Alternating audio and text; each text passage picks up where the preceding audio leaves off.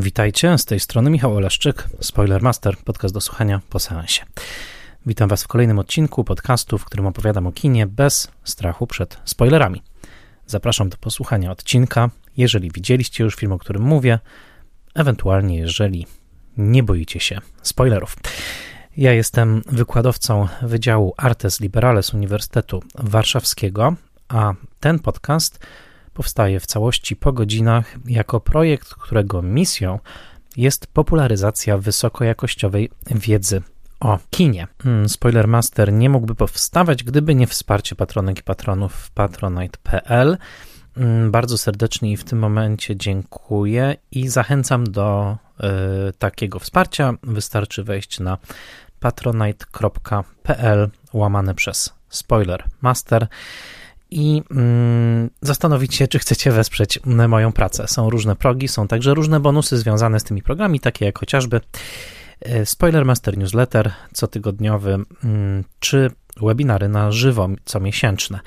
Bardzo dziękuję w tym momencie, e, zwłaszcza patronkom i patronom imiennym.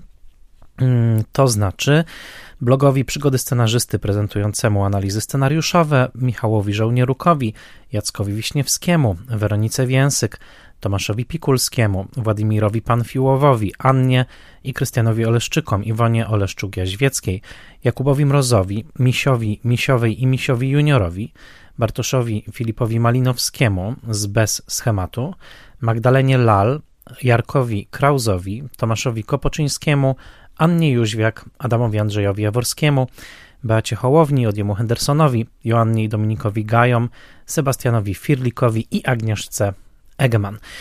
E, raz jeszcze kłaniam się, wielkie dzięki, dzięki Wam i dzięki wszystkim patronkom i patronom. Ten podcast nadal istnieje i nadaje co tydzień. Można także wesprzeć moją pracę w portalu Buy Coffee. Tu mm, to są darowizny jednorazowe. E, w dzisiejszym odcinku Spoiler Master Classic o dosyć nowym filmie, ale o filmie reżyserki, której w moim przekonaniu należy się tytuł, e, no właśnie, klasyczki współczesnego kina. Lucrecia Martel to reżyserka argentyńska, urodzona 14 grudnia 1966 roku w Salcie w Argentynie która na swoim koncie ma zaledwie cztery filmy pełnometrażowe i sporo filmów krótkich, ale której twórczość jest jedną z najwyżej cenionych i na pewno najoryginalniejszych twórczości ostatnich dwudziestu kilku lat. Jej debiut z roku 2001, debiut pełnometrażowy, czyli film pod tytułem Bagno La Cienaga.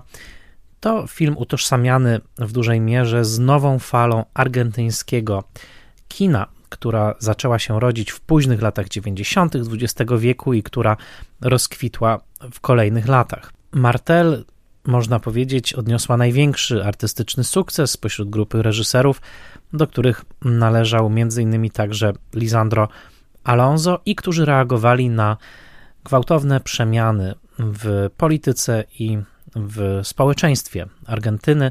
Po tym, jak w połowie lat 80. dobiegły końca rządy hunty wojskowej, e, to społeczeństwo przeżywało kolejne bardzo duże wstrząsy, włącznie z gigantycznymi kryzysami finansowymi, o których myślę, że wszyscy czytaliśmy, zwłaszcza na początku wieku XXI, i e, tak się złożyło, że w tym czasie także wykrystalizowała się e, grupa twórców, powiem z Lukrecją Martel na czele, którzy na różne sposoby interpretowali i komentowali to, co się działo w ich kraju.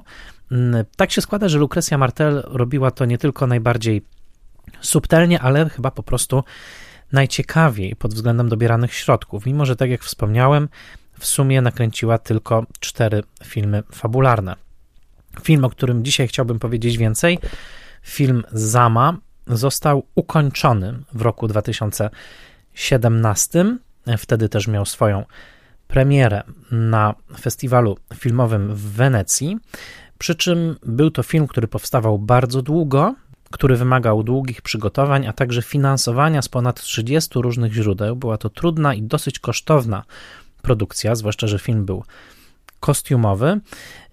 I mm, ten film został zrealizowany przez Lucrecję Martel w bardzo kryzysowym momencie jej kariery, o czym także zaraz powiem, i pod względem czysto produkcyjnym, ale także pod względem prywatnym. Lucrecja Martel zmagała się wtedy z podejrzeniem raka złośliwego, e, które to zagrożenie zostało na szczęście oddalone, ale e, borykała się także z zamknięciem przez producenta jej wcześniejszego projektu, e, który miał być filmem science fiction i który został niemalże z dnia na dzień skasowany. To miała być adaptacja komiksu z lat 50.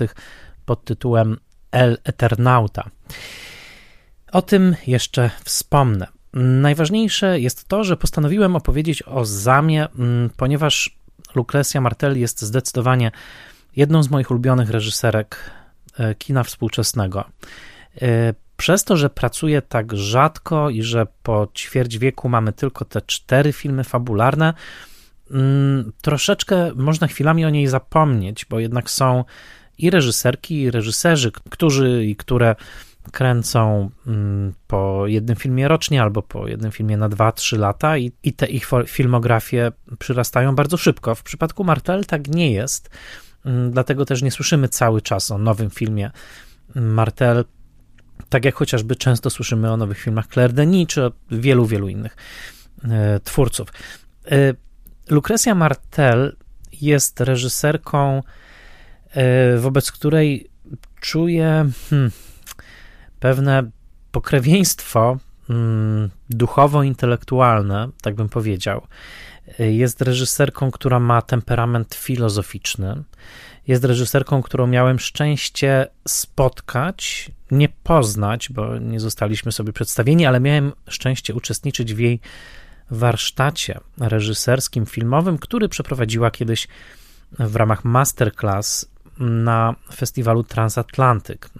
To było bardzo dla mnie dobre doświadczenie.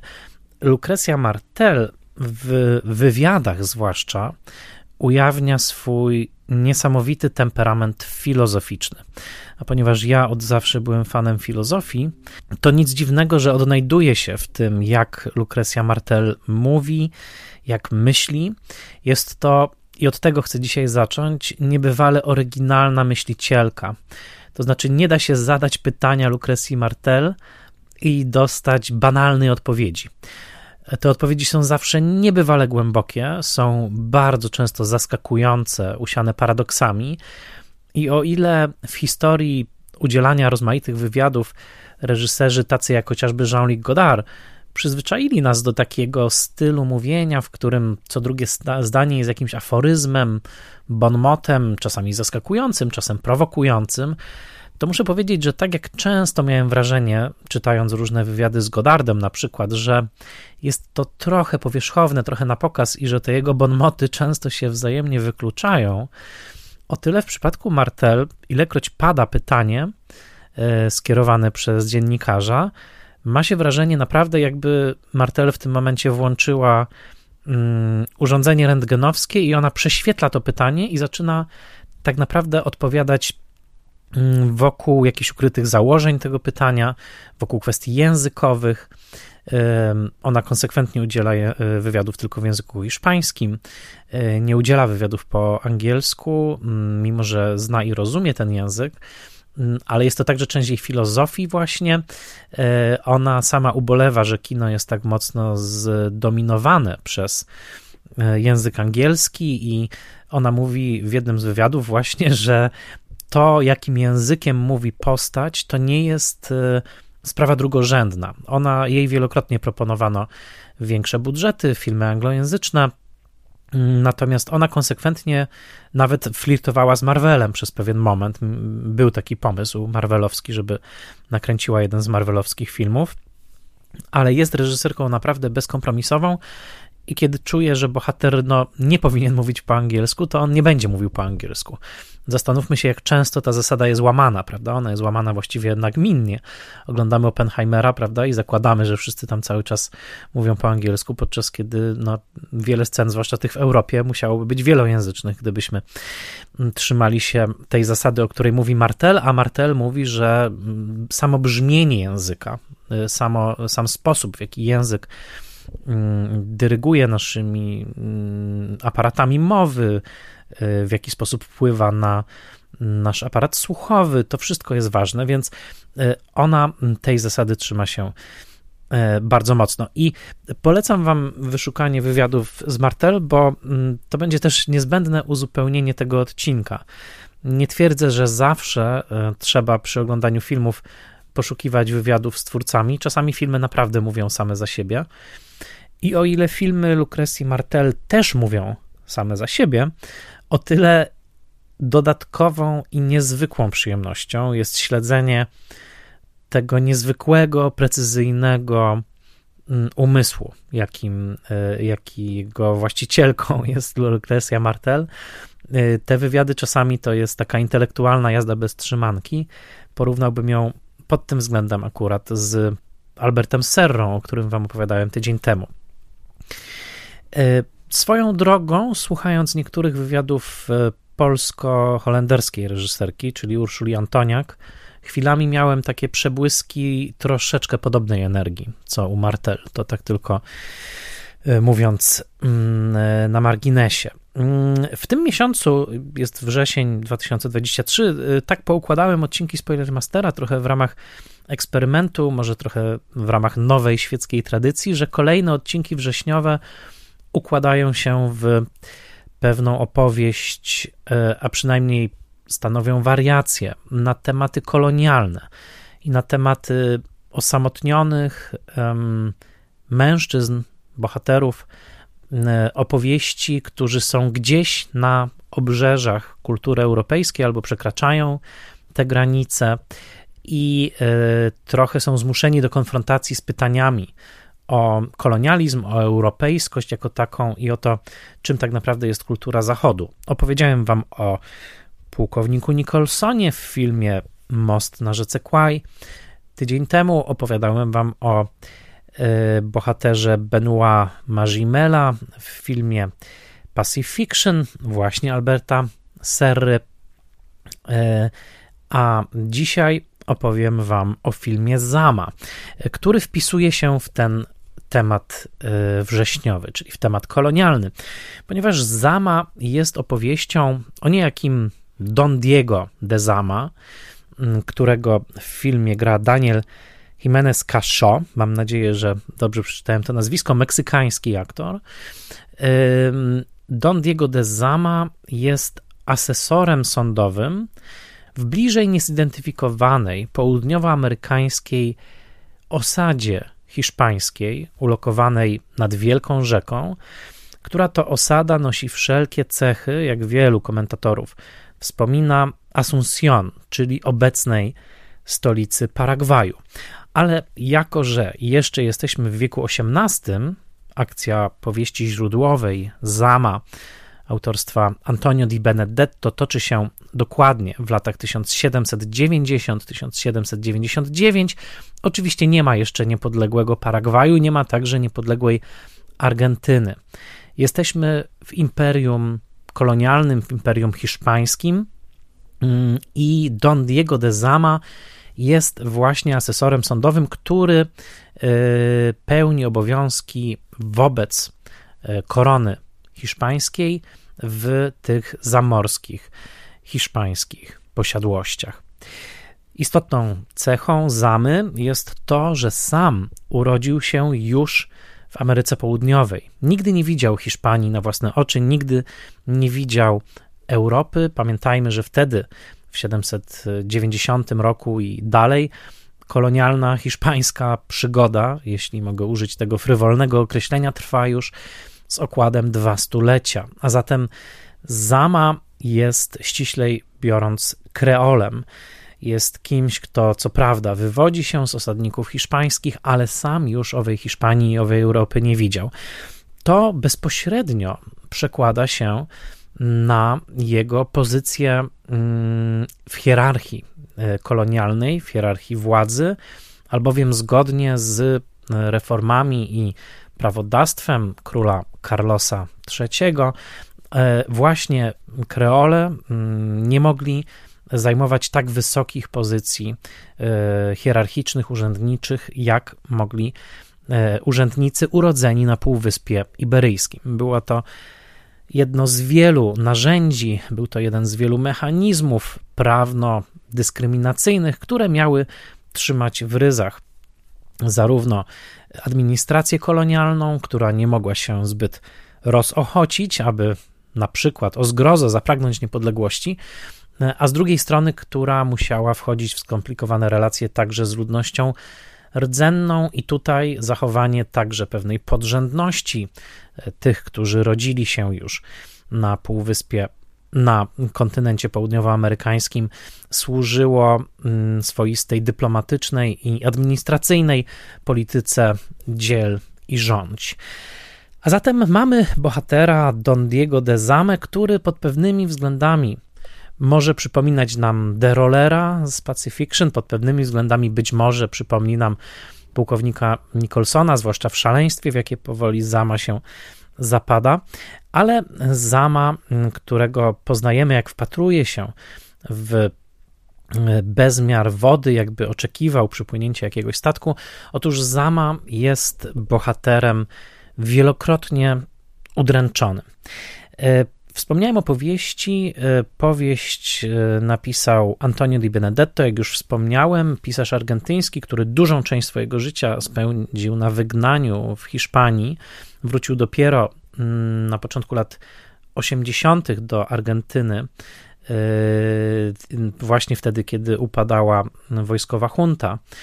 E, powieść Zama z kolei napisał jeszcze mm, powiedzmy w latach peronowskich, czyli konkretnie w roku 1956 i tak się składa, że Zama jest także przetłumaczona na polski. Znakomity polski przekład Zofii Hondzyńskiej został wydany przez wydawnictwo literackie w serii iberoamerykańskiej w roku 1976.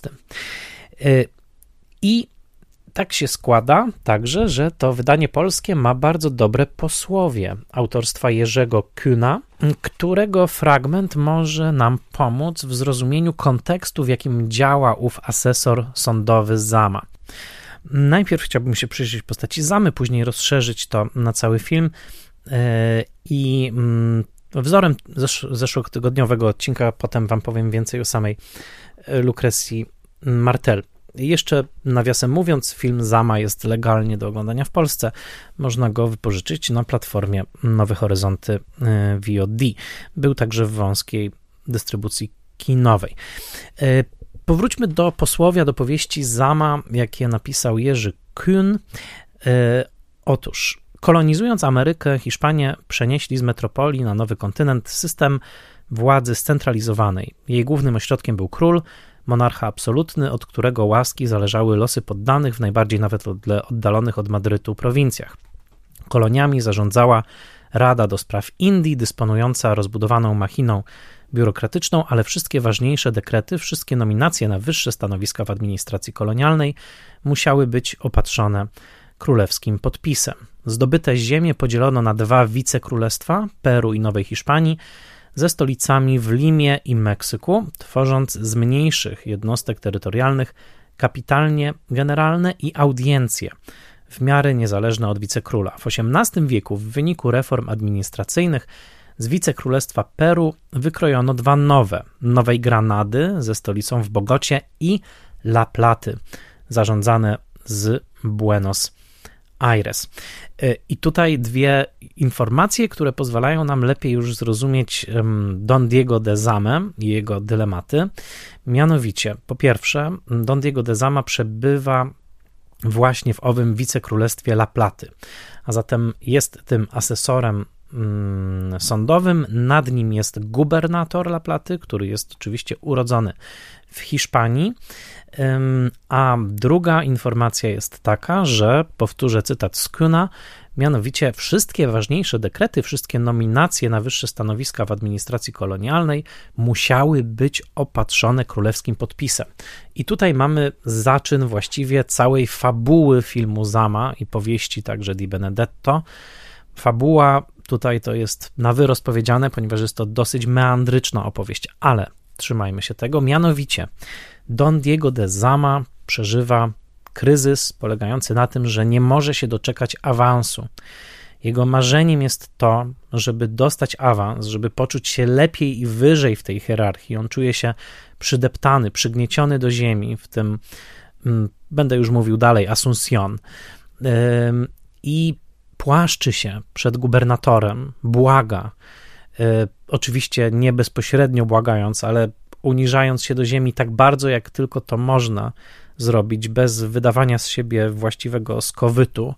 Błaga o list rekomendacyjny do króla w Madrycie, e, żeby w końcu mm, on mógł dostać nominację na jakieś wyższe stanowisko, najlepiej w Lermie, czyli w mieście, w którym przebywa jego żona i dziecko, Marta, mm, to imię żony. My tej żony nigdy nie widzimy w filmie. I e, to by było jego marzenie. Swoją drogą, w książce on chce e, e, dostać nominację do Buenos Aires.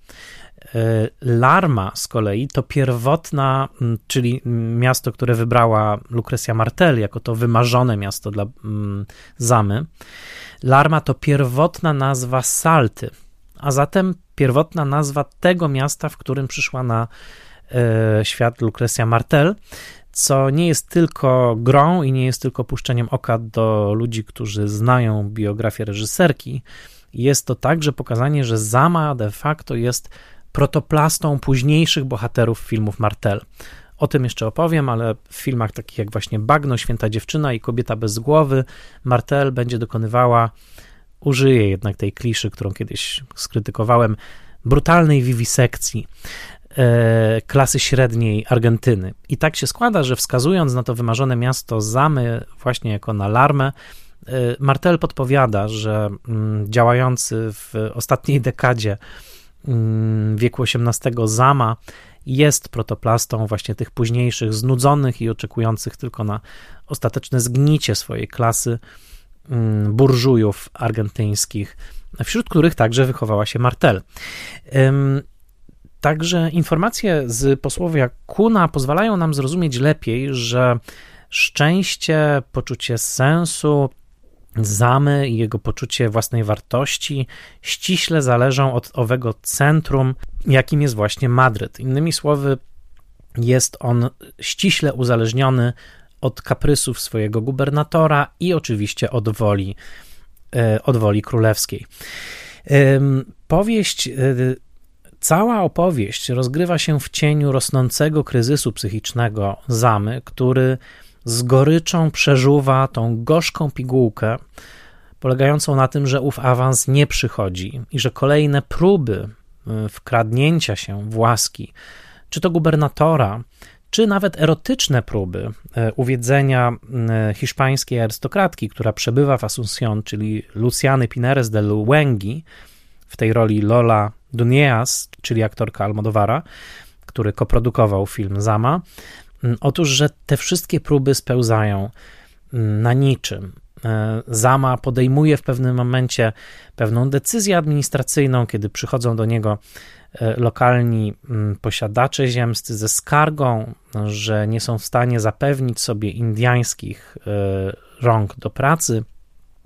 On, także uwiedziony urodą wnuczki tegoż posiadacza ziemskiego, postanawia przyznać ich tym, tych Indian, co swoją drogą na tym etapie jest już nielegalne, e, ponieważ niewolnictwo było już wówczas w dużej mierze na tych terenach zniesione. E, no ale właśnie tym aktem samowoli i tak naprawdę tym aktem próby przypodobania się tej młodej kobiecie, e, ściąga na siebie gniew swojego przełożonego, z którym wdaje się w bójkę. I w wyniku tej bójki ów przełożony, i tutaj dotykamy gorzkiej, bolesnej ironii prozy di Benedetto, która wybrzmiewa także w filmie Martel. Otóż w wyniku tej bójki ów przełożony e, Ventura Prieto zostaje ukarany przeniesieniem do Lermy. Innymi słowy, zostaje ukarany dokładnie tym, o czym marzył sam Zama. Frustracja administracyjno-ambicjonalna, połączona z frustracją erotyczną, e, Zama mm, w powieści mm, wystrzega się kontaktów z lokalnymi kobietami, jak twierdzi, bojąc się chorób wenerycznych, ale wdaje się romans z białą kobietą. W powieści, w filmie wdaje się romans e, z kobietą z jednego z indyjskich plemion, które zamieszkują te tereny.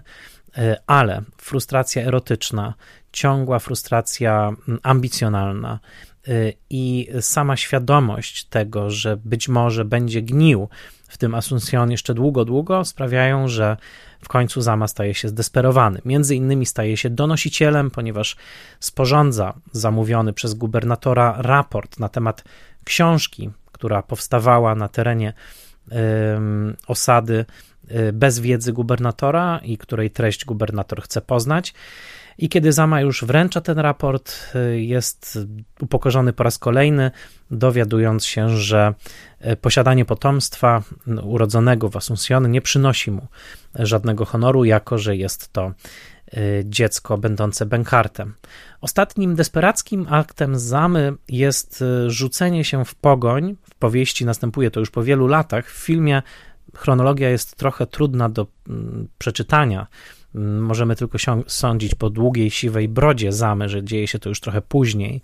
Mianowicie tym ostatnim aktem desperacji y, i także próbą zyskania sobie jakiegoś y, honoru, jakiejś legendy być może, no i w końcu oczywiście otrzymania tego wymarzonego awansu jest to, kiedy Zama rzuca się w pogoń, w pościg za legendarnym złoczyńcą, który E, przez, całą, przez cały film do tej pory był przywoływany e, ze strachem w oczach, mianowicie e, Zama dołącza się do pościgu za Wikunią Porto.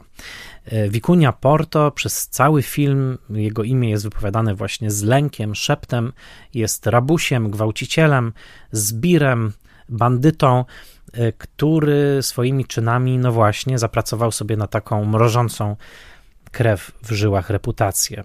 E, Zama dopada Wikunię Porto, w pewnym momencie demaskuje go. W tej roli swoją drogą aktor brazylijski Mateusz Nachtergele o bardzo niepokojącej urodzie. Powiedziałbym, że jest on trochę takim demonicznym Michaelem J. Pollardem. Jeżeli pamiętacie tego aktora z Bonnie i Clyde, to dodajcie mu taką łyżeczkę demonicznego spojrzenia i to jest mniej więcej ten, ten wygląd. Otóż Wikunia Porto najpierw kpi z Zamy, dodaje zresztą, że nie jest tak naprawdę tym Wikunią Porto, ponieważ Wikunia Porto to tylko pewien pseudonim, e, tak naprawdę jest wielu rzezimieszków, wielu złoczyńców, którzy się nim posługują e, celem wzmocnienia takiej czarnej legendy właśnie wszechwładnego złoczyńcy lokalnego, czyli Wikunia Porto jest takim amalgamatem wielu przestępców tak naprawdę, więc nawet gdyby zabił Zama tego konkretnego, to i tak będą kolejni. Ale co gorsza, mm, bandyci współpracujący, bandyci z szajki, z Porto, w pewnym momencie domagają się od Zamy, żeby zdradził im, gdzie mogą znaleźć kamienie, minerały, które w ich oczach uchodzą za szlachetne, w istocie takie nie są. E, on nie może im udzielić tej informacji i w powieści zostają mu odrąbane palce, w filmie Wikunia Porto odrąbuje Zamie ręce.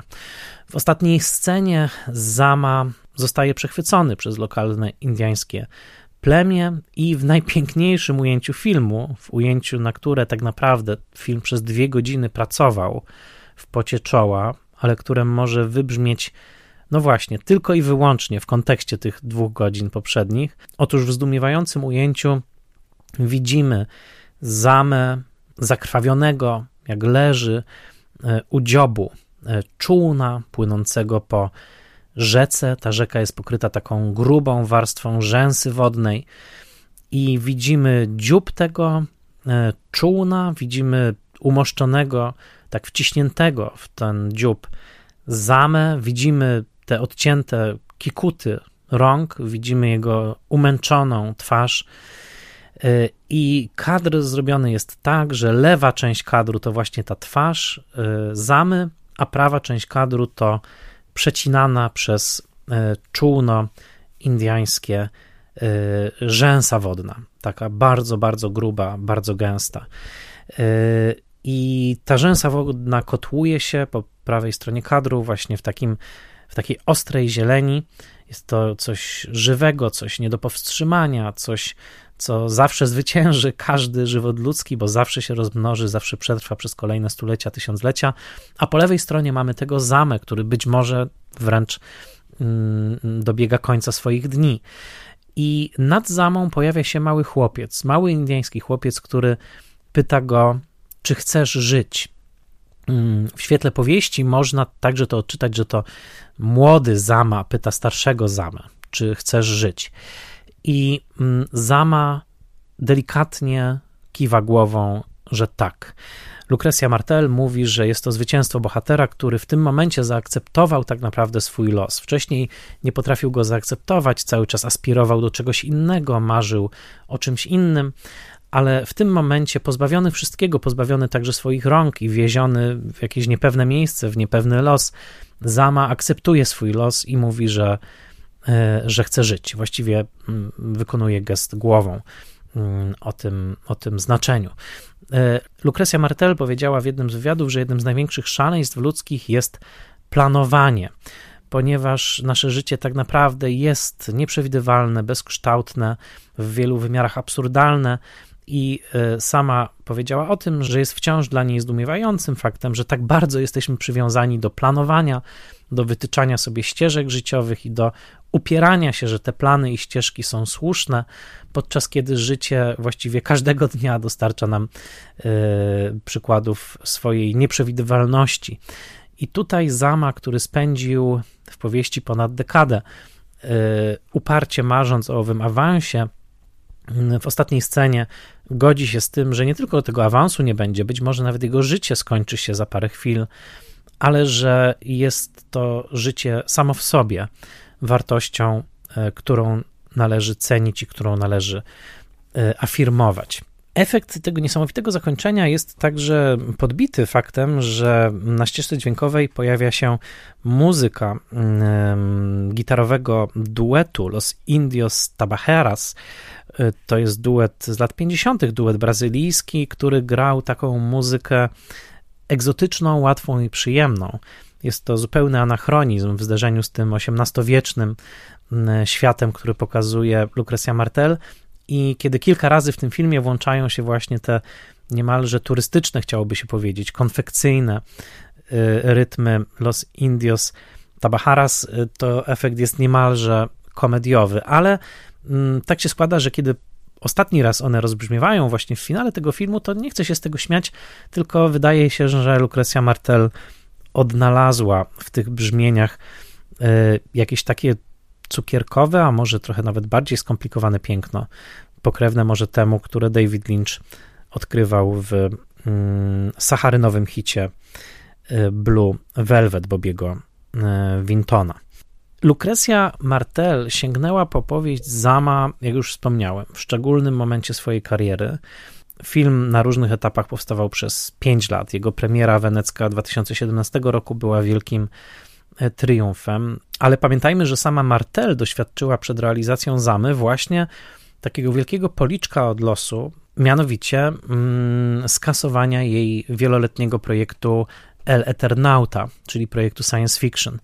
Ona była już bardzo przywiązana do, do, tej produkcji, ona była też bardzo zaawansowana i decyzją producentów po wielu nieporozumieniach dotyczących kształtu filmu został on skasowany. I można powiedzieć, że fakt, że wówczas Martel wczytała się w powieść Di Benedetto, w powieść o niespełnieniu, o tym, że e, plany nie koniecznie się spełniają. E, dodała całej sytuacji nie tylko pikanterii, ale także pewnego egzystencjalnego wymiaru. Ponieważ książka Di Benedetto, i polecam wam jej lekturę, jest naprawdę wielką literaturą, znakomitym tekstem, mniej więcej 200-stronicowym, więc nie aż tak, nie aż tak bardzo długim, który no, zanurza nas bardzo głęboko właśnie w to jałowe oczekiwanie na zmianę, w tą świadomość człowieka, który powiem brutalnie, ale każdy z nas to robi na różne sposoby, ubzdurał sobie, że jego życie byłoby lepsze, gdyby rozgrywało się w Europie, gdyby e, rozgrywało się chociażby w owej Lermie, e, gdyby otrzymał stanowisko wyższe od tego, które ma. To ciągłe złudzenie w pewnym momencie zakrawa na rodzaj obsesji. Tym bardziej, że Zama tęskni za światem, którego nigdy sam nie widział. Tęskni za Europą, w filmie mamy scenę, w której próbuje uwodzić arystokratkę Lucianę, mówiąc jej o pięknie Europy i mówiąc także o pięknie Rosji. Mówi o e, tych pięknych rosyjskich księżniczkach z futrzanymi szalami. E, na co e, w filmie, zresztą w powieści też, Luciana odpowiada, że Europę najbardziej podziwiają i najchętniej wspominają ci, którzy tam nigdy nie byli. Przeczytam wam teraz fragment powieści, w którym właśnie mm, Zama, ponieważ cała powieść jest opowiedziana w pierwszej osobie z jego perspektywy, y, roi sobie o tym, jaka to cudowna jest ta Europa, w której jego życie, także to erotyczne, byłoby zupełnie inne, lepsze, pełniejsze, bardziej intensywne. Cytat w przekładzie Zofii Hondzyńskiej. Europa, śnieg, kobiety czyste, niepocące się nadmiernie, mieszkające w wychuchanych domach, gdzie nie bywa klepisk, gdzie zawsze są podłogi, nagie ciała w ogrzanych pokojach, jasnych i wysłanych dywanami, Rosja, księżniczki, a ja tu, bez ust dla mych ust, w kraju, o którego istnieniu nigdy nie słyszały całe rzesze Francuzek, Rosjanek, czy mieszkanek innych krajów. Ja tu, zżerany tęsknotą za miłością, podczas gdy miliony kobiet i mężczyzn podobnych do mnie nawet nie mają pojęcia, że żyję, że gdzieś żyje sobie niejaki Diego de Zama, mężczyzna bez nazwiska, o rękach zdolnych przyciągnąć głowę dziewczyny i wgryzać się w jej wargi, aż do krwi. Zewsząd otaczają mnie ziemię kontynentu, którego nie jestem w stanie ogarnąć wzrokiem, chociaż czuję go wokół siebie jak jakiś raj spustoszony i zbyt wielki dla mych nóg.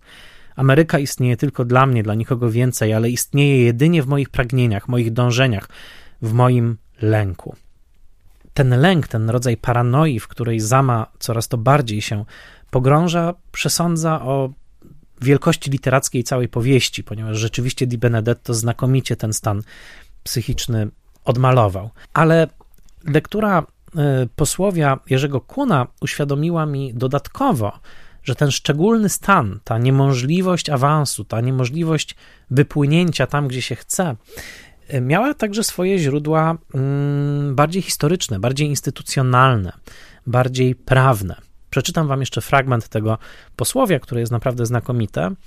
E, I okaże się, że rozterki Zamy, który, no właśnie, chciałby wyjechać, ale nie może, e, mają bardzo konkretne źródła. Także, tak jak wspomniałem, powiedzmy sobie, prawne. Mm, cytuję. Wicekrólów, sędziów, audiencji i innych wyższych urzędników administracji kolonialnej dobierano spośród Hiszpanów urodzonych w metropolii i znanych ze swojej lojalności wobec monarchy. Delegowano na krótki okres czasu do Nowego Świata. Kadencja wicekróla trwała 5 lat, a gubernatora 3 lata, bacząc pilnie, by nie zadomowili się na nowym kontynencie i nie spróbowali uniezależnić się od korony. Liczne przepisy zapobiegały ewentualnym bliższym związkom wicekróla z jego tymczasowymi poddanymi. Nie wolno mu było żenić się w kolonii, prowadzić tam interesów, posiadać ziemi, a nawet uczestniczyć w ślubach i pogrzebach ludności kreolskiej. Monarchowie hiszpańscy obawiali się obdarzyć władzą ludzi związanych z krajem, w których tę władzę mieli sprawować. Jeśli już, co zdarzało się niesłychanie rzadko, jakiś kreol zajmował wyższe stanowisko państwowe, to w oddalonej prowincji, z którą nie łączyły go żadne związki. Nie zapuszczając nigdzie korzeni, tkwił cudzysłów między odejściem a pozostaniem, między nadzieją przeniesienia na wyższe stanowisko do znaczniejszego miasta, a chęcią zorganizowania ustabilizowanego życia w miejscu swojego wygnania. A zatem Zama jest poniekąd także ofiarą kolonialnej polityki własnego mocarstwa, nie wspominając oczywiście o ofiarach ludzkich w ludności rdzennej, która została albo wybita, albo przegnana, ale także Zama jest więźniem tej samej sieci, tej samej matni, jest rybą miotającą się w tej samej sieci utkanej e, z kolonialnej perspektywy, to znaczy takiej, w którym centrum nie chce, żeby nawet urzędnicy za bardzo zadomawiali się w koloniach, no oczywiście zapobiegając w ten sposób oderwaniu się kolonii od macierzy. To nie uda się długo, bo już na początku wieku XIX rozpoczną się mocne ruchy niepodległościowe i Paragwaj uzyska niepodległość w 811 roku, a zatem 11 lat po tym, jak Zama ganiał za Wikunią Porto, a w 1916 roku Argentyna uzyska taką niepodległość. Ta niepodległość nie będzie równoznaczna ze stabilnością, tego dowodzą następne dwa wieki rozwoju tych państw, ale jednak sytuacja polityczna całkowicie się zmieni.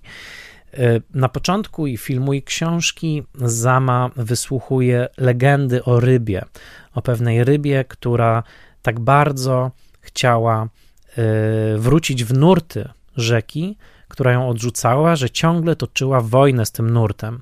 Rzeka chciała ją wyrzucić na brzeg, a ryba ostatkiem sił walczyła o to, żeby powrócić w nurt rzeki. I wedle tej legendy te ryby można spotkać potem wymyte na brzeg, Mm, ale już martwe.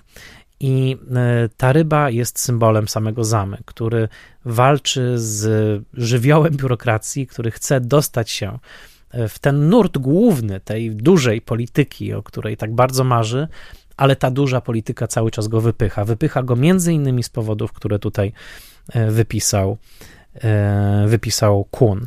I Kuhn jeszcze wspomina o jednej rzeczy, i tutaj jeszcze jeden krótki, krótki cytat.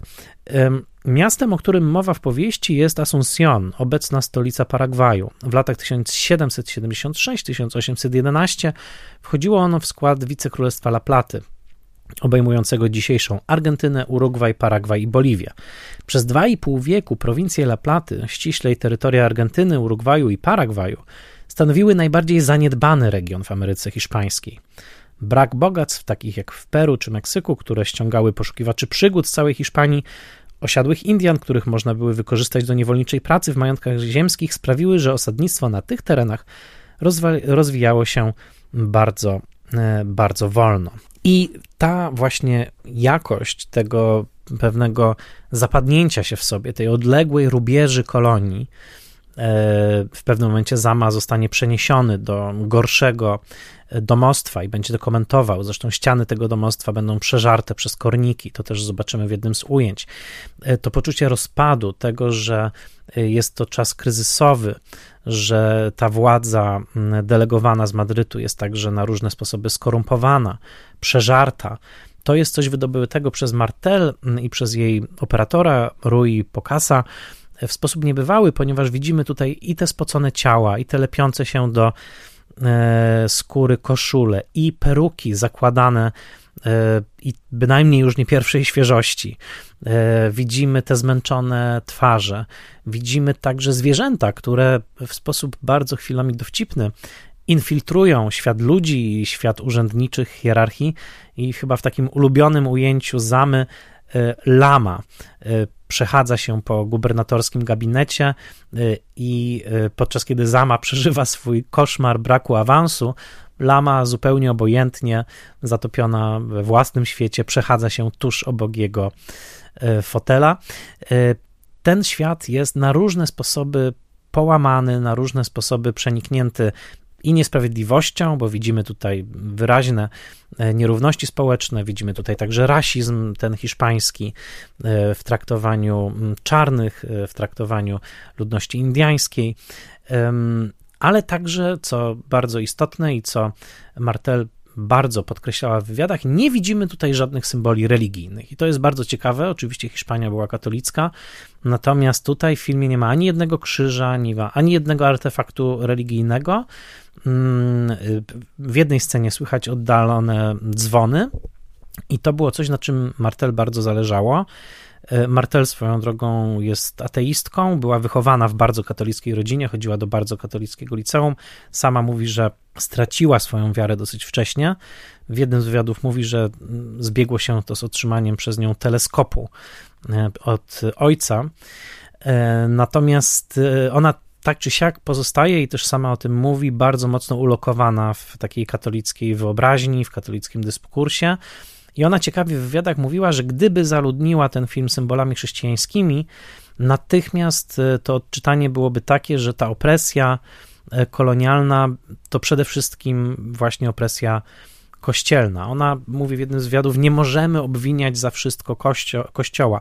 Ona jest bardzo krytyczna wobec kościoła, też wystarczy zobaczyć film e, Święta Dziewczyna e, z 2004 roku, jej drugi film pełnometrażowy, żeby zobaczyć, jak bardzo ona jest krytyczna e, także w tym wymiarze obyczajowym. To jest film o młodych dziewczętach, które dorastają mm, w katolickiej szkole i też są na różny sposób spętane teologią katolicką i tak dalej, więc Martel jest krytyczna wobec katolicyzmu, natomiast nie chciała wprowadzać tego elementu tutaj, bo wiedziałaby, że e, wtedy właśnie był, byłoby to takie błyskawiczne odczytanie, że ten kolonializm jest równoznaczny właśnie z Kościołem. Ona mówi w wywiadzie, że to jest coś o wiele głębszego, że ta nasza chęć narzucania znaczeń innym kulturom, anektowania tych kultur, przekształcania ich na naszą modłę, że to jest coś o wiele, wiele szerszego e, i związanego nie tylko z E, kościołem, mm, kościołem katolickim. E, dam wam przykład e, tej filozofii Martel, którą, która przebłyskuje w wywiadach z nią. To jest niesamowite, bo czasami mam wrażenie, że niektórzy dziennikarze nawet nie nadążają za nią, a są tacy, którzy nadążają. Nick James, dosyć poczciwy redaktor naczelny, były redaktor naczelny Sight and Sounda, Mm, zapytał ją najpierw, i to cytuję za Side Soundem z czerwca 2018 roku, mm, co przyciągnęło cię do powieści Zama? No i Martel odpowiada: Mieć nadzieję to znaczy pożądać czegoś, ale jednocześnie czuć się niezdolnym do posiadania tego, a także czuć, że nasze działanie w żaden sposób nie może nam tego dać. Jest to pożądanie czegoś, co ktoś inny musi nam dać. Tym jest nadzieja. I o tym dużo myślałam po przeczytaniu książki, ale ważne pytanie jest takie, mm, jak sami siebie widzimy i na co w naszych własnych oczach zasługujemy. Na Zachodzie ukuliśmy ten konstrukt tożsamości, indywiduum, podmiotu. I w pewnych, pod pewnymi względami jest, jest to bardzo przydatny koncept, ale także jest to koncept, który rodzi ogromne problemy. Jeżeli każdy z nas ma bardzo ustalony pomysł, ustaloną ideę, e, kim myślimy, że jesteśmy, to najprawdopodobniej poniesiemy w końcu klęskę. No i tutaj Nick James próbuje słonecznie przywrócić fajny nastrój i mówi: No, ale e, zachodnia filozofia także mm, e, proponuje zasadę carpe diem, a zatem chwytaj dzień, która jest trochę inna od tego, co ty opisujesz. I teraz Lucrecia Martel wręcz słyszę, jak ona to mówi. Dodam, że Lucrecia Martel ma takie długie, y, długie włosy, często pali mm, grube cygara, z tego jest znana, pali grube cygara i, i nosi takie kocie okulary, jak z lat 50. z ery Eisenhowera, więc też pod względem stylu jest naprawdę y, ikoną. Tak, ale i teraz już jej odpowiedź. Ta, ten cały pomysł Carpe Diem to jest tylko slogan systemu ekonomicznego. To nie jest rzeczywistość, w której żyjemy. Wszyscy z nas pracujemy setki godzin w pracach, które tak naprawdę nas nie interesuje, a oszczędzamy tylko po to, aby odpocząć przez dwa czy trzy tygodnie w roku. A zatem Carpe Diem to po prostu kłamstwo. To, co istotne w kontekście tego filmu, to jest to, czy ta idea tożsamości i indywidualności jest w ogóle pożyteczna. E, I rozmowa toczy się, toczy się dalej, e, i, i Martel wypowiada pewien wniosek, z którym chciałbym Was też zostawić. E, mianowicie, wszyscy czujemy, że jesteśmy w pułapce, w pułapce pracy, której nie lubimy, albo w związku, który nie sprawia nam radości, albo w kraju, który mm, nie zajmuje się nami. Słyszałam, że w stronę Londynu zbliża się właśnie huragan. I co, co się wydarzy? Pierwsze zostaną połamane drzewa, które są sztywne, twarde, nieelastyczne, ale te, które się wyginają e, pod siłami wiatru, takie jak palmy, najpewniej powstaną i nic się im nie stanie. To jest dobra lekcja dla nas. Kiedyś wydawało mi się, że internet da nam taką możliwość, że będziemy mieli wiele różnych osobowości, wiele różnych person i będziemy mniej sztywni, mniej osadzeni w swoich własnych rutynach ale wydarzyła się dokładnie odwrotna rzecz. I teraz cytat po prostu Martel w najwyższej formie. Apple ID to jest tak, jakby ktoś pomnożył tożsamość przez pieniądze. W pewnym sensie jest to szczytowy punkt zła. A zatem Martel, nazywająca Apple ID dla użytkowników Apple'a rzeczy znana. Ze szczytem zła, The Zenith of Evil, to jest Martel, tak jak wspomniałem, w formie, w formie najwyższej. Zama jest filmem, w którym Martel postawiła sobie za cel nie tyle stuprocentowe mm, odzwierciedlenie tego, co w powieści się dzieje, ponieważ jak sama mówi, nie interesuje ją taka obrazkowa adaptacja, idąca po kolei za wydarzeniami książki. Jest to raczej próba odtworzenia pewnego nastroju, pewnego nastroju, który odczuła Martel w trakcie lektury książki Di Benedetto. I pod tym względem film jest e, jednocześnie mistrzowski i bardzo konfundujący. To nie jest film, który jest łatwy w lekturze, to jest film, w którym często gubimy się w akcji, gubimy się celowo, tak jak zamierzyła reżyserka. I zarówno zdjęcia Rui Pocasa, jak i montaż, jak i dźwięk stałego współpracownika Martel, czyli Guido Berenbluma, e, to są wszystko te siły, które nas wciągają w wir osobowości samego Zamy, w wir tego człowieka, który filtruje całą rzeczywistość przez tą swoją już gnijącą ambicję, która się nie może spełnić. Zama jest jednocześnie człowiekiem, który nosi w sobie ów kolonialny przywilej, ową kolonialną butę. Widzimy, jak policzkuje kobietę, którą najpierw podglądał, a która odważyła się skonfrontować z nim. To jest indiańska kobieta, którą on policzkuje i mimo, że Martel filmuje tę scenę tak, żebyśmy nie widzieli tego aktu przemocy tak bezpośrednio, widzimy go z pewnego oddalenia, to jest to wciąż szokujące. W powieści jest jeszcze więcej momentów, w których e, Zama jawi nam się jako wręcz rodzaj sługusa, kogoś, kto z jednej strony gardzi lokalną ludnością, a z drugiej strony jest w stanie naprawdę zrobić wszystko, żeby tylko poczuć własną władzę i z drugiej strony, żeby wzmocnić swoją pozycję przez kolejne błagania kierowane w stronę gubernatora. Gdyby ktoś napisał powieść całkowicie osadzoną w głowie Stanisława Anioła z Alternatyw 4, to poza tym, że słownictwo musiałoby być o wiele uboższe, to sam stan ducha tego człowieka, dla którego tylko i wyłącznie awans e, i ogrzanie się w ciepełku władzy jest czymś, co jest mu w stanie e, podnieść samoocenę. Zapewne e, taka powieść brzmiałaby mniej więcej tak jak Zama. Powieść Antonio di Benedetto ma cudowną dedykację. Jest to książka dedykowana ofiarom oczekiwania albo ofiarom oczekiwań. E, niemal jak totalne zaprzeczenie wielkich nadziei Dickensa, The Great Expectations. Tutaj Antonio di Benedetto poddaje dłoń tym wszystkim, których poobijały ich oczekiwania, których poobijały ich nadzieje, których nadzieje na coś innego, na coś więcej, na coś gdzie indziej zostały po prostu zgniecione. Ofiarą oczekiwania dedykowana jest książka Zama i na tę samą dedykację natrafiła Martel, otwierając tę książkę tuż po tym, jak oczekiwała tak długo na realizację swojego filmu science fiction. To się nie wydarzyło, musiała się pogodzić z tą stratą, ale jak sama powiedziała w wywiadach, kręcenie kina historycznego to prawie jak kręcenie science fiction, dlatego że i tak trzeba wszystko wymyślić. Ona mówi, że w ogóle nie wierzy w coś takiego jak wierne odzwierciedlenie przeszłości. Wszystko jest pewnym wyobrażeniem, wszystko jest pewnym kostiumem, strojem i ona e, widzi tę przeszłość tak, jak nam tutaj pokazała. Widzi ją w tonach zmruszałych, brązów, żółci, zgaszonych czerwieni. I dopiero po dwóch godzinach, kiedy zaczyna się e, trzecia część tego filmu, kiedy Zama wyrusza w drogę i wyrusza w pogoń za Wikunią Porto, nagle dostajemy w twarz niemal, na pewno nasze oko doświadcza szoku, kiedy po raz pierwszy widzimy taką pełną, soczystą zieleń południowoamerykańskiej dżungli. E, to jest ujęcie, e, które badacz Lucrecji Martel, autor książki o jej twórczości, Gerd Gemünden w, w, serii Contemporary Film Directors porównuje z, ze słynnym cięciem z 2001 Odysei Kosmicznej Kubricka, kiedy to kość rzucona w górę zmieniała się w statek kosmiczny. Tak mówi e, Gemünden, że to cięcie nagłe do tej zieleni, do tych ostrych, nasyconych barw po ponad godzinie obcowania z barwami zgaszonymi, to to jest taki właśnie ekwiwalent nagłego, szokowego cięcia u mm, Lucrecji Martel. Zama nie jest filmem, który od razu się przed nami otwiera. Ja potrzebowałem dwóch, trzech seansów, żeby się w ten film w pełni zanurzyć, mm, ale serdecznie Wam te seanse także polecam.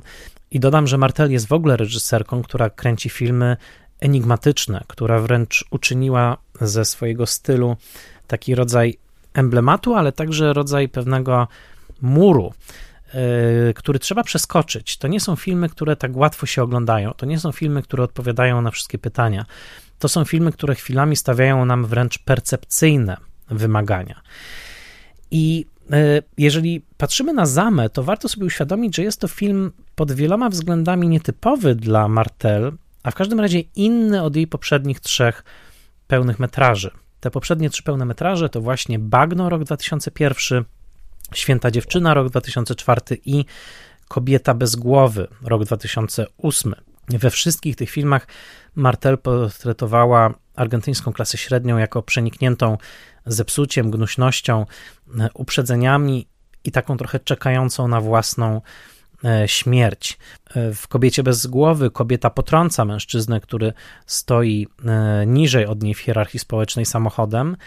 Mm, najprawdopodobniej go potrąca, ponieważ w tym filmie wszystko jest przefiltrowane przez jej subiektywność. Nie możemy być nigdy do końca pewni, co się wydarzyło. I natychmiast jej bliscy z tej właśnie klasy średniej argentyńskiej natychmiast pomagają jej w zacieraniu śladów, w unikaniu odpowiedzialności. Ona sama jest wstrząśnięta tym, co się wydarzyło, cokolwiek to było, e, ale wszyscy wokół konsolidują się, żeby tylko nie było dla niej żadnych konsekwencji. W filmie Bagno wszystko zaczyna się od tego, kiedy matrona rodu, pijana, upada obok zmruszałego, gnijącego basenu po kolejnym drinku. E, i okazuje się, że ten upadek jest jak kamyczek wrzucony w wodę, który ma kolejne, kolejne reperkusje e, i widzimy jak na różnych poziomach i w różnych zakamarkach tej rzeczywistości ludzie zatapiają się coraz bardziej w bagno marazmu, moralnej obojętności i zepsucia. W Świętej Dziewczynie te wszystkie rzeczy dotyczą e, kwestii seksualności młodej dziewczyny, jej religijności, napięć pomiędzy tymi siłami, ale znowu Lucrecja Martel w tych wszystkich trzech filmach tak naprawdę kręci w ten sposób, żeby zaburzyć naszą orientację przestrzenną. Nie zawsze wiemy, jak, gdzie się do końca znajdujemy. Martel nie daje w swoich filmach tak zwanych ujęć ustanawiających, czyli takich łatwych ujęć, na przykład pokazujących zewnętrze domu albo większy teren, na którym poruszają się bohaterowie. Nie daje naszemu oku takiego przewodnika, które pozwalałoby nam w pełni ogarnąć tą rzeczywistość, którą oglądamy na ekranie. Zwróćcie uwagę, jak często w filmach scena zaczyna się właśnie od tak zwanego establisha, czyli właśnie od ujęcia, które pokazuje nam całość, nie wiem, obejścia wiejskiego, albo pałacu, albo domu, albo bloku, e, tak żebyśmy wiedzieli, gdzie jesteśmy. No otóż Lucrecia Martel nie daje nam tych establiszy, czyli tych establishing shots, czyli tych ujęć ustanawiających, przez co nasze oko jest ciągle niepewne i ciągle czujemy się lekko zagubieni w tej rzeczywistości. W filmie Zama najlepiej to widać, kiedy Zama wchodzi na e, proszony raut do jednej z arystokratek lokalnych, wchodzi do jednego pomieszczenia, za chwilę widzimy go w pomieszczeniu, gdzie są konie, e, zaraz obok jest pomieszczenie, w którym są sprowadzone prostytutki, e, w którym nagi mężczyzna maluje swoje ciało, a zatem rodzaj jakiegoś burdelu. E, i wszystko to jest niby jedna przestrzeń, a jednocześnie czujemy, że Martel nie dała nam właśnie takiej mapy, którą moglibyśmy się posługiwać. Te trzy filmy, o których wspomniałem, to jest tak zwana trylogia Salty, gdzie Martel mm, analizuje swoją klasę, swoje środowisko, pokazuje społeczeństwo argentyńskie, a zwłaszcza argentyńską burżuazję w takim stanie nadgnicia, przeżarcia, e, korupcji.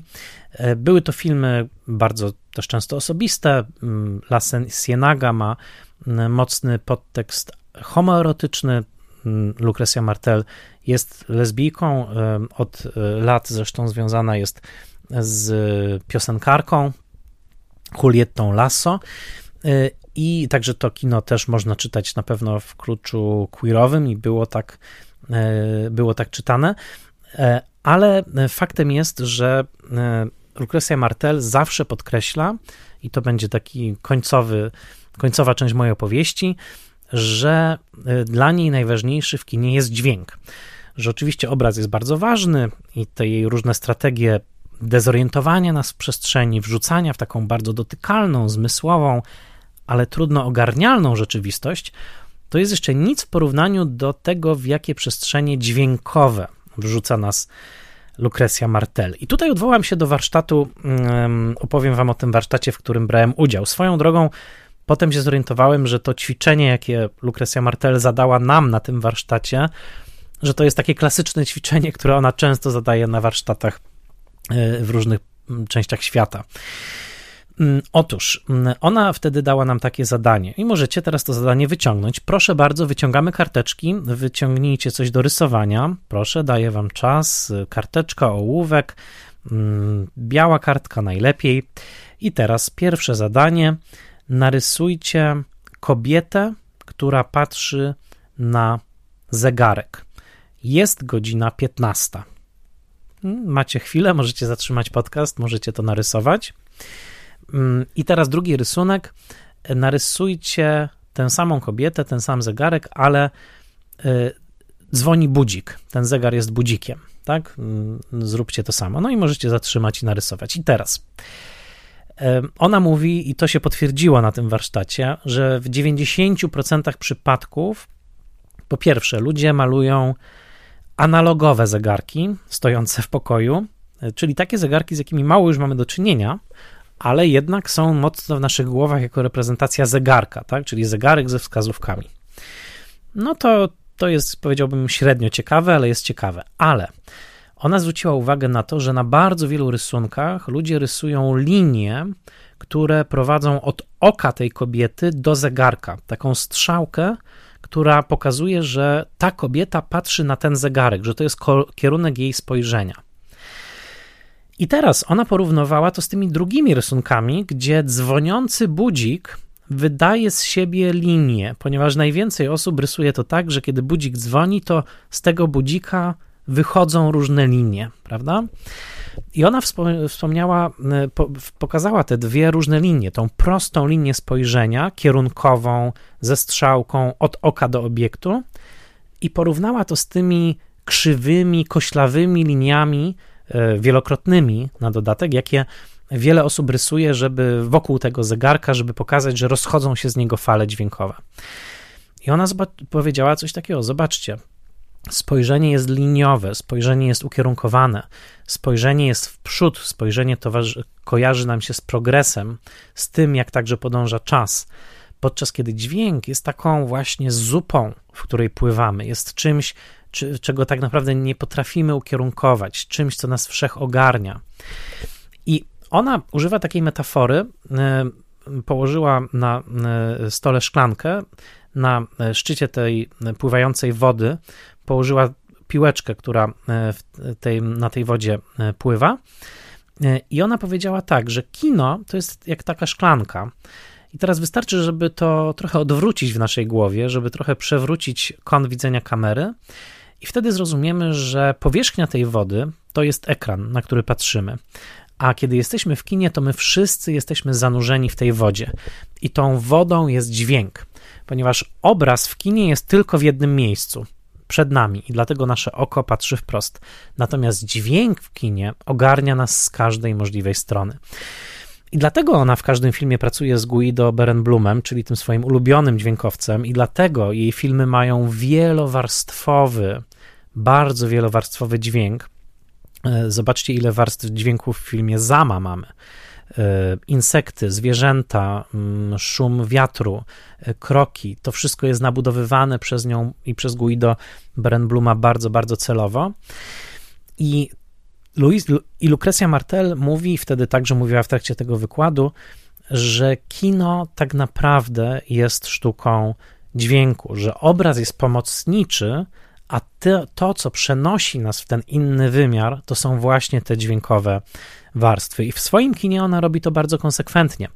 Swoją drogą, teraz y, czytałem wspomnienia Candice Bergen, y, pamiętnej Murphy Brown, y, która wspomina swoje małżeństwo z Louis Malem, francuskim reżyserem, obecnym też na Top 100 Spoilermastera za sprawą filmu La Conclusion. I ona mówiła, pisze w tych swoich wspomnieniach, że Louis Mal także uważał, że kino to jest przede wszystkim sztuka dźwięku i że zobaczyła któregoś dnia, jak reżyserował scenę i był przy kamerze i miał zamknięte, y, y, bardzo tak zmarszczone oczy. I ona powiedziała, Louis, ale dlaczego nie otwierasz oczu? Przecież nie widzisz sceny. On mówi, ja wiem, jak ta scena będzie wyglądała, ale muszę usłyszeć, jak ta scena będzie brzmiała. I myślę, że Louis Mal tutaj świetnie by się dogadał właśnie z, e, z Lucrecją Martel, e, która e, pod względem tworzenia tych właśnie głębokich warstw dźwiękowych w swoich filmach jest kimś naprawdę, naprawdę nieprawdopodobnym. Bardzo chciałbym wiedzieć więcej o kinie Argentyny. Wiem, że mm, Lucrecia Martel wiele zawdzięcza Marii Luizie Bemberg, czyli reżyserce argentyńskiej, której film Camila z 1984 roku był dla niej takim przełomem w życiu, w życiu filmowym. Ja niestety kina argentyńskiego dobrze, dobrze nie znam. Znam pojedyncze filmy, znam pojedynczych twórców. Wizyta w Buenos Aires jest jednym z moich marzeń, być może nawet na pierwszym miejscu. No, dobrze, powiem. Najbardziej chciałbym pojechać do Nowej Zelandii, potem najbardziej chciałbym pojechać do Buenos Aires i na trzecim miejscu jest także Pacyfik, o czym opowiadałem. To są moje trzy podróżnicze marzenia, takie, takie na szczycie listy. Nigdy tam nie byłem. E, w każdym razie mm, dla mnie Lucrecia Martel i przez swoje filmy wielowarstwowe, zmysłowe, mylące, tajemnicze, głęboko zanurzone w kulturę Argentyny, rozważające te głębokie echa kolonializmu, jednocześnie poszerzające język filmowy, bo te filmy zasługują na to określenie, tak jak filmy niewielu reżyserów zasługują na to, żebyśmy powiedzieli, że faktycznie rozszerzają nasze rozumienie kina. Tak, Lucrecja Martel na to definitywnie zasługuje i mam nadzieję, że będzie kręcić częściej, a jednocześnie łapie, kiedy tylko mogę i kiedy tylko pojawia się wywiad z nią z angielskimi napisami albo z tłumaczem, to ja łapię te wywiady, bo jest dla mnie fascynującą osobowością, kimś, kto patrzy w sposób nieoczywisty, ciekawy, prowokujący, Mm, jest dla mnie wielką intelektualistką kina, która tworzy zarazem kino bardzo zmysłowe. Film Zama jest filmem trudnym, jest filmem wymagającym. Dajcie mu czas, obejrzyjcie go może na raty albo obejrzyjcie go dwa razy. Poczytajcie też książkę Di Benedetto.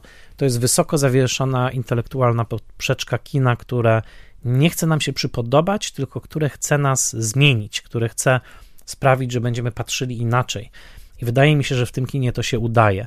To nie jest tak jak u Serry. Wydaje mi się, że u Serry mamy przede wszystkim ten taki zalew zmysłowości, czegoś bardzo właśnie zmysłowego, y, dowcipnego, takiego uwodzącego. Kino Martel, zwłaszcza Zama, to nie jest kino, które uwodzi, to jest kino, posłużę się jej frazą, które infekuje, które infekuje nasze zmysły, o którym nie da się zapomnieć, które nie daje nam spokoju, do którego chcemy wrócić, które chcemy trochę lepiej ogarnąć następnym razem.